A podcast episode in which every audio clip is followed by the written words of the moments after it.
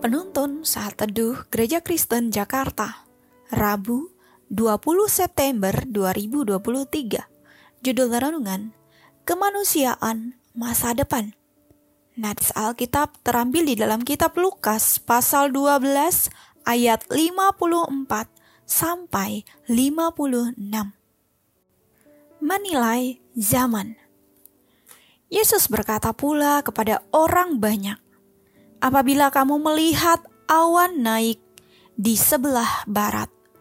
Segera kamu berkata, "Akan datang hujan," dan hal itu memang terjadi. Dan apabila kamu melihat angin selatan bertiup, kamu berkata, "Hari akan panas, terik," dan hal itu memang terjadi. Hai orang-orang munafik, rupa bumi dan langit kamu tahu menilainya. Mengapa kamu tidak dapat menilai zaman ini? Transhumanisme atau melampaui kemanusiaan adalah gerakan intelektual yang meyakini manusia mampu mengatasi keterbatasan fisik dengan mengadopsi kecanggihan teknologi. Istilah ini diperkenalkan pertama kali oleh Jane Coulthard pada tahun 1939. Gerakan ini berusaha menghidupkan ambisi purba manusia, yakni hidup abadi. Melampaui keterbatasan manusia dan menjadi manusia yang kuat atau Superman. Semangat ini telah sedikit demi sedikit diperlihatkan melalui film-film science fiction yang mulai beredar di bioskop-bioskop.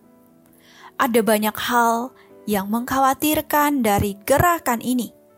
Salah satunya adalah karena meniadakan perkara iman dan ketuhanan di sana. Meskipun ada pro dan kontra, namun gereja perlu dapat membaca situasi zaman yang berubah ini agar dapat menempatkan diri dengan baik. Yesus berkata, "Rupa bumi dan langit kamu tahu menilainya. Mengapakah kamu tidak dapat menilai zaman ini?" Perkataan yang keras ini merupakan sebuah teguran Yesus kepada orang banyak yang terdiri dari para imam dan orang banyak.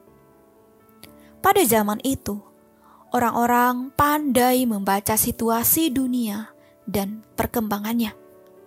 Namun, buta terhadap apa yang telah dinubuatkan para nabi tentang kedatangan Mesias sejak dahulu kala.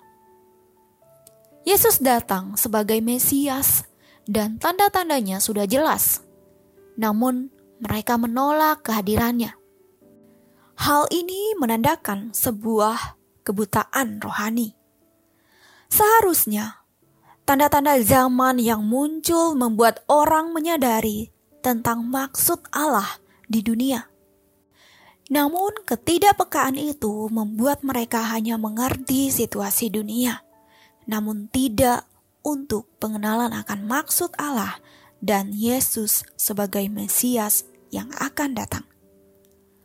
Orang Kristen di masa anugerah ini juga harus dapat membaca tanda-tanda zaman dengan baik.